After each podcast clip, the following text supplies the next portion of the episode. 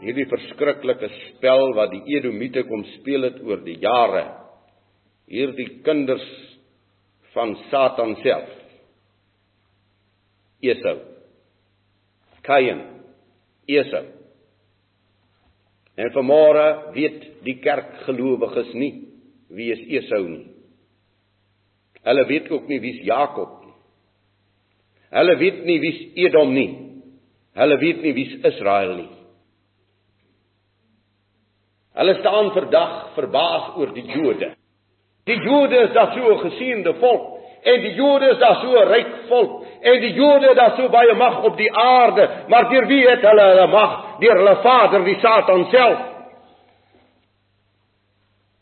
Daar was nog nie 'n landsgebied op die aarde waar die Jood nie sy voet gesit het nie of dit het 'n verpesting geword nie. Geliefdes en u en ek moet luister na die woord en ons moet die woord ken oor hierdie dinge, want as die gelowige wêreld vanmôre dit weet, dan sal hulle regkom.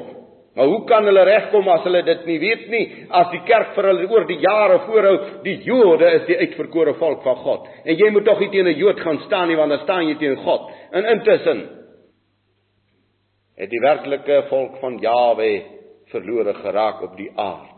Is hy nie meer kenbaar nie. En nou dat u en ek deur die Vader se genade na vore tree en sê, hier is Israel. Nou sê hulle kyk net hierdie klomp ketters met hulle wit teologie en hulle noem op en hulle gaan aan die professors en die predikante en die geleerdes van ons tyd.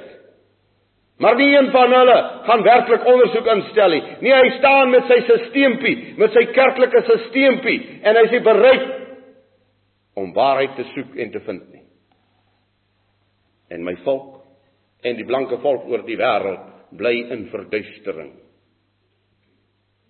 In Genesis 25 kan u beginne lees oor die verdeling tussen Jakob en Esau en hulle karaktertrekke.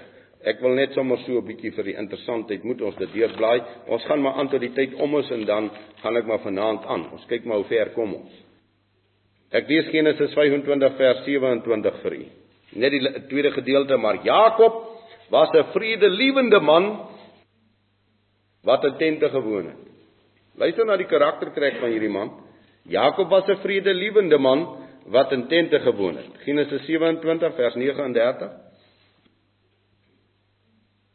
Toe antwoord sy vader Isak en sê vir hom: "Kyk ver van die vet grond van die aarde sal jou woonplek wees en ver van die dou van die hemel daarbo." en van jou swaard sal jy lewe en jou broer sal jy dien. Maar as jy jou kragte inspann, sal jy sy juk van jou nek afruk. Jy moet mooi luister wat hier staan. Ver van die vet grond van die aarde sal jou woonplek wees. Dis van die Edomit wat hier geskryf word, van die nageslag van Esau. Watter rykdom of seën word aan hom toegeken. As hy sy krag bymekaar maak, dan sal hy op die ou end die juk van Jakob van hom afkry. Genesis 36 vers 12. Ek wil net hê dat u die uh as ons nou so praat van Esau dat u net deurkry hoekom sê ons Edom en Esau. En dit is die seuns van Reuel, Naat en Serag en Samma en Missa dit was die seuns van Basmat, die vrou van Esau. Ekskuus tog, ek wil die 12de vers ook bylees. Ek het nou die 13de gelees. En Timna was 'n byvrou van Elifas, die seun van Esau. En sy het vir Elifas gebaar Amalek. O ja, ek wil by Amalek uitkom. Dit is die seuns van Ada, die vrou van Esau. Die die naam Amalek moet u nou behou. Vers 19. Dit is die seuns van Esau en dit is hulle stamhoofde dit is Edom. Dit is Edom. Esau, Edom, Jood. Kan maar hierdie lyn behou. Nou weet ons mos wat sê die skrif vir ons van Jakob en wat sê die skrif vir ons van Esau. Ek daag enige persoon vanmôre om vir my iets geseëns te gaan lees van Esau of sy nageslag. Inteendeel vloek, verwerping, vernietiging. En as jy gaan lees oor Jakob, dan is dit Jawe se seën en Jawe se seën en Jawe se seën tot in duisend geslagte tot die laaste geslag. Daarvan is die skrif vol. Ek kan nie al die baie teksverse vanmôre vir u lees nie. Die bekende uh van God se oordeel het ons in die laaste boek van die Bybel in die Ou Testament Malagi. Waar Jawe sê dat hy Israel liefgehad het en nog altyd liefhet. En dan sê hy is Esau nie die broer van Jakob nie vers 2 spreek Jawe, tog het ek Jakob liefgehad, maar Esau het ek gehaat en sy gebergte in wildernis gemaak en sy erfdeel aan die jakkalse van die woestyn pryse gee. Jakob het ek liefgehad, Esau het ek gehaat. Paulus kom herhaal dit in Romeine hoofstuk 9 as ek reg is. Kom herhaal hy of is dit hoofstuk 11? Laat ek net seker maak dat ek nou nie vir u jok nie. Dit is die 11de hoofstuk waar hy sê Jakob het hy liefgehad, Esau het hy gehaat. As hoofstuk 9 van Romeine. Dat selfs Paulus na soveel eeue na Malagi, daar kom herhaal hy wat Malagi sê. God kies en God het Jakob gekies en God het Esau verwerp. Hy het hom gehaat.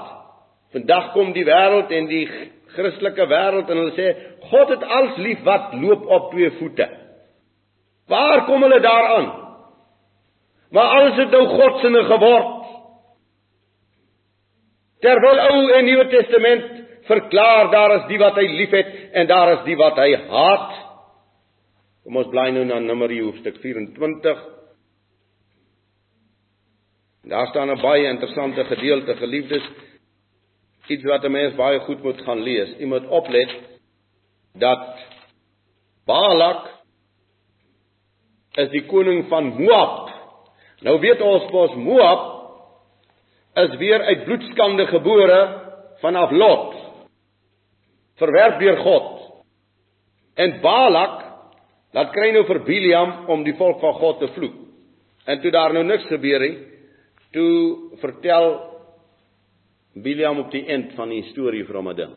En ek lees dit in vers 14 van Numeri 24. En nou kyk, ek gaan na my volk toe. Kom ek sal jou inligting gee wat hierdie volk, dit is Israel,